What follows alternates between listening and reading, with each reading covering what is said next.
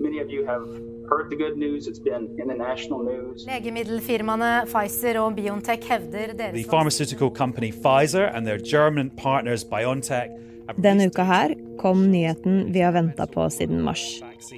really, really. En nyhet som kan bety klemming, besøk, fester og dårlig flørting i kebabkøen klokka halv fire om natta. med å få på plass en god vaksine. En vaksine som ser ut til å virke. Og som ser ut til å virke vanvittig bra. Kan det her bety slutten på pandemien? Du hører på Forklart. Jeg heter Anne Lindholm, og i dag er det fredag 13. november. Da var jeg eh, inne på laben min eh, og holdt på å analysere noen eh, antistoffer, mennesker, for å prøve å finne ut hvor effektive eh, antistoffresponser de har. Og så kom en av de jeg jobber med og bare 'Gud, har du hørt det?' og jeg bare 'Nei, jeg har ikke hørt det ennå'. Så han kunne fortelle meg at det var kule resultater. Så da måtte jeg jo løpe inn og sjekke med en gang hva som var skjedd. Så Gunnveig Grødeland, som driver med vaksineforskning for Universitetet i Oslo og Oslo universitetssykehus, ble med kollegaen for å se. Jeg syns faktisk det var eh, veldig kult. Farmasiselskapet Pfizer har nemlig publisert en midlertidig rapport med resultater fra vaksinetesting. At de hadde 90% effekt. Denne vaksina har vært gjennom siste testfase før den skal godkjennes og brukes på folk. Og det ser ut til at ni av ti som har fått akkurat den vaksina her, faktisk blir immune mot sykdommen. En 90% effekt er eh, en veldig god effekt for en eh, vaksine, så det er veldig lovende. For influensavaksinen så er man eh, fornøyd med en effekt rundt eh, 50 eh, mens eh, det er andre vaksiner som selvsagt er høyere. Men 100% kommer du aldri opp i, for det er såpass stor forskjell mellom personer, og immunsystemene våre er såpass forskjellige at det vil alltid være noen som ikke har ønsket respons på en vaksine. Ok, og før vi tar helt av her, det er midlertidige resultater. De er ikke fagfellevurdert enda, og detaljene i resultatene er ikke offentliggjort. Man veit f.eks. ikke hvor effektiv den er i forskjellige aldersgrupper, sånn som hvor godt den fungerer på eldre. Men det er lovende. Den vaksina det er snakk om her, er en genetisk vaksine som inneholder RNA. RNA er arvemateriale til eh, virus og inneholder oppskrifter på eh, byggesteinene i selve viruset. Og hvis du ser for deg koronaviruset nå Du vet den ballen, eller kula, med masse sånne små, røde pigger på? Oppskriften på de piggene har man kopiert til RNA-vaksina. Så man har her rett og slett tatt eh, oppskriften på eh, overflateproteinet, den piggen som stikker ut, på koronaviruset. Så sprøyter man den oppskriften inn i armen til menneskene som får vaksina.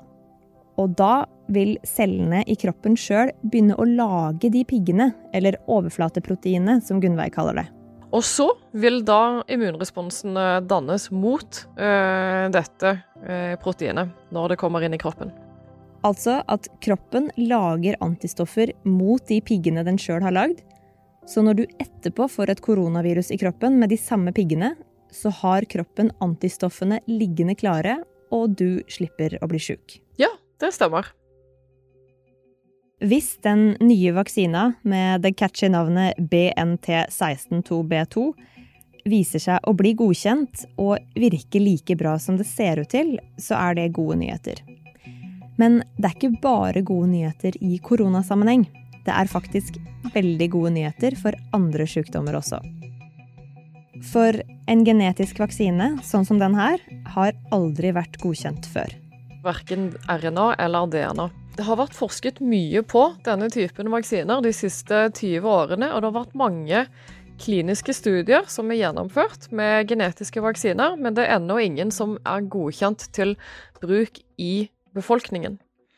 Eh, Sånn at når man eh, eventuelt nå får godkjent en eh, RNA-vaksine, så vil det være første gang en sånn type vaksine faktisk blir godkjent. Og det er intet mindre enn et gjennombrudd for en ny type vaksine, en ny måte å vaksinere på. Så det syns jeg er ganske stort, faktisk. Sånn at hvis denne vaksina blir godkjent, så kan det også gå an å vaksinere mot andre virussykdommer med den samme metoden. F.eks. Uh, influensa er jo nærliggende. Man sliter i dag med at uh, de influensavaksinene vi bruker, produksjonstiden av de er såpass lang at det er vanskelig å få en høy effekt.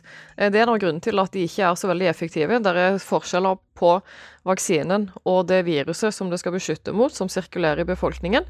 Men en kortere produksjonstid, som RNA faktisk tillater, vil egentlig automatisk kunne øke effekten av vaksinen litt. Eh, rett og slett fordi det vil være bedre samsvar mellom de eh, proteinene som er i vaksinen, og det viruset du vil møte sånn i levende livet.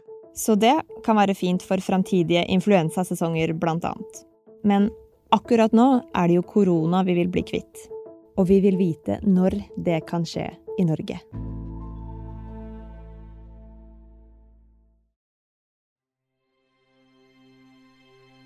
Nå kan det se ut til at forskerne som har jobba på spreng siden denne pandemien starta, har klart å utvikle en vaksine som virker. Men det er noen viktige steg igjen før den er klar til bruk. En av dem som har fulgt nøye med på vaksinekappløpet, er Aftenposten-journalist Tine Dommerud. Ja, det første som skjer nå, det er at vaksinen skal godkjennes i USA og i Europa-EU. Um, studien er jo ikke helt ferdig ennå, så det gjenstår lite grann. Men i USA regner man med at de kommer til å godkjenne den i slutten av november. I EU og Europa blir det litt grann senere. Og når vaksinen er godkjent i Europa, så blir den automatisk godkjent i Norge. Og dette er mye raskere enn eh, andre vaksiner og andre medisiner ellers. Hvem i verden er det som får vaksina først, Tine? Ja, altså jeg tror at eh, USA og Europa får den ganske likt. USA har allerede forhåndskjøpt 100 millioner doser, og de har sikret seg retten til å kjøpe 500 millioner flere. EU har en avtale om å kjøpe 200 millioner doser og kjøpe ytterligere 100 millioner flere. Nå har du jo snakka om USA og Europa og den vestlige verden. Hvem er det som ikke får vaksine, eller som kan få den seint? Ja, det spesielle med denne type vaksinen, det er at den må oppbevares så innmari kaldt. Helt ned mot minus 70 grader. Og mange land har ikke den muligheten, fordi da vil vaksinen bli ødelagt. Så det er rett og slett sånne grunner som er årsaken til at ikke alle får tilbud om denne vaksinen eh, samtidig. Og så noe om vaksiner. Dersom alt går som vi håper, vil Norge få tildelt vaksinedoser utover første halvdel av 2021. I dag ble det kjent at eh, den nye vaksinen som er under utvikling i Storbritannia mot eh, SARS-CoV-2-viruset.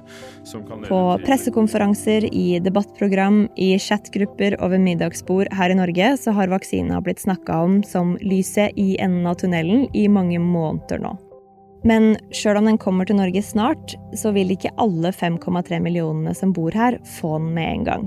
Totalt sett for Norge så tror mm, Legemiddelverket og regjeringen at vi får ca. 2 millioner doser. Det betyr ikke at 2 millioner nordmenn får vaksinen, fordi vaksinen må settes to ganger med tre ukers mellomrom. Så sånn som jeg har regnet meg frem til, så vil jeg tro at én million nordmenn vil få vaksinen først. Hva veit vi om når den kan komme til Norge, da?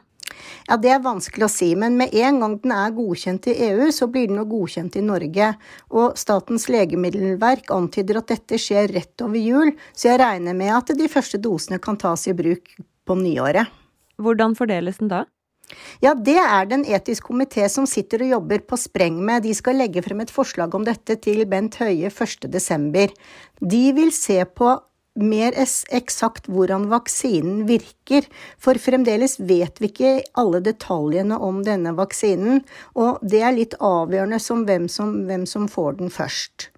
Altså Norge har allerede gjort et arbeid når det gjelder prioritering av vaksine mot sesonginfluensa, og 1,6 millioner nordmenn ble anbefalt å ta vaksinen mot sesonginfluensa i høst. Først og fremst så er det de som skal hjelpe oss hvis vi blir syke som får tilbud om vaksinen. Helsepersonell, Det er leger og sykepleiere, og jeg vil tro det er renholdspersonell og de på apoteket. Det er alle de som skal ta vare på oss, som er så uheldige at vi kommer inn på sykehus. Og så er det den gruppen som risikerer å bli veldig syk av å få denne type koronasykdom. Og det er først og fremst gamle og folk med nedsatte funksjoner, folk som er, har problemer med lunger og sånn allerede. Men dette er veldig usikkert, og jeg syns det er veldig spennende når denne prioriteringslisten blir lagt frem. Tine, du sa du regna med at en million nordmenn får vaksina, og nå sier du at 1,6 millioner nordmenn ble anbefalt å ta influensavaksine. Betyr det at det er 600 000 nordmenn som kanskje skulle, burde ha fått en koronavaksine, som ikke gjør det? Nei, det tror jeg ikke, fordi at i den 1,6 så er det blant annet noen barn. Og så langt så er anbefalingen generelt sett at man ikke skal gi vaksine mot koronavirus til barn. Men det blir jo spennende å se hvordan de regner seg frem og hvilke anbefalinger de kommer. For no, de vil nok ønske å gi vaksinen til flere enn én en million med en gang, men det lar seg jo ikke gjøre når vi ikke har nok. Så de, den ene millionen som får vaksiner i Norge, da, er det sånn at det blir de som får, eller kan det bli fullvaksinering etter hvert? Målet er jo fullvaksinering etter hvert, men jeg tror ikke det skjer til sommeren. Det kommer nok helt sikkert flere typer vaksiner på markedet, og det kommer også ganske raskt. Men de skal også fordeles over hele verden. Så kanskje i løpet av et år da, er hele Norge fullvaksinert. Men det er bare spekulasjoner. Når vi går rundt juletreet i 2021, så kan det altså hende at vi faktisk kan holde hender og tenke mer på hva som ligger under treet, enn på meteren til Bent Høie. Men tidligere vaksiner som har blitt utvikla fort, har hatt noen veldig sjeldne, men uheldige bivirkninger. Så hvor mye kan vi vite om hvor trygg denne vaksina blir? Det kan du vite en del om. fordi nå eh, har du denne studien med Pfizer, hvor de tester eh, flere titalls tusen eh, personer. Eh, der er ti andre vaksiner som òg er i klinisk eh, fase 3-utprøving. Eh, og for hver av disse vaksinene så ser de òg på flere titalls tusen individer. Der er i tillegg mange vaksiner i fase 1 og 2. Og hvis det på en av disse studiene oppdages bivirkninger som gir grunn til sterk uro, så vil det òg kunne ha konsekvenser for de andre studiene og hvordan man evaluerer dataene fra de. Så i sum så er det jo en utrolig stor utprøving på et utrolig stort antall mennesker med ulike vaksiner mot uh, covid-19. Sånn at i sum så er vi òg tryggere enn vi er bare ved at vi ser på data fra én studie, selv om den òg isolert sett er ganske stor. Jeg regner med at det er mye ære og penger å vinne på å være først med en vaksine som fungerer. Kan vi da likevel stole på testresultatene som kom nå? Det er mye ære i å være den første som leverer en fungerende vaksine. Der er tilsvarende mye uære å tjene på å være først ute med en vaksine som er farlig. Vet man hvor lenge effekten av denne vaksina kan vare? Nei, det vet man ikke ennå. Og for de dataene som er kommet, har kommet ganske kort tid etter andre vaksinering. Så de er på et tidspunkt når man forventer at immunresponsene skal være på topp. Så hvor lenge denne vaksinen eh, faktisk vil kunne beskytte, eh, eller hvor lenge antistoffene, for å være mer presis, vil kunne vare, det vet vi ennå ikke noe om. Men der tenker jeg det òg er viktig å presisere at selv om effekten av denne vaksinen kanskje skulle være kortere enn et år, så vil du likevel kunne få brukt vaksinen effektivt når det gjelder å stoppe eh, det pågående pandemiske utbruddet. Da trengs det ikke at du er beskyttet for evig og alltid. Vi trenger å bli kvitt viruset nå. Så når vi har stansa det pågående pandemiske utbruddet, da, Tine, er det noen grunn til å tro at livet blir som normalt igjen? Ja, jeg er jo en optimist. Og jeg vet jo ved å ha lest historien at det har vært pandemier før som har tatt mange flere liv enn dette. Selv om de ikke hadde det samme helsevesenet som vi har nå. Men vi har fått oss en støkk. Og det er noen vaner jeg tror og håper at vi kommer til å beholde også når denne pandemien er over og livet blir som normalt igjen, om kanskje et år. Og det er vi må fortsette å vaske hendene like nøye, og vi må unngå å treffe folk veldig tett. Særlig når vi er litt syke. Men jeg er ganske sikker på at livet blir som normalt igjen. Om en stund. Hva er det første du skal gjøre når det er lov å leve som normalt igjen? Jeg tror det blir å invitere masse mennesker hjem. Masse besøk? Masse besøk. Ha stor fest. Det tror jeg er det første jeg skal gjøre. Og så skal jeg klemme på alle de som jeg er veldig glad i, og som jeg ikke har kunnet klemme på lenge, både i triste og gode stunder.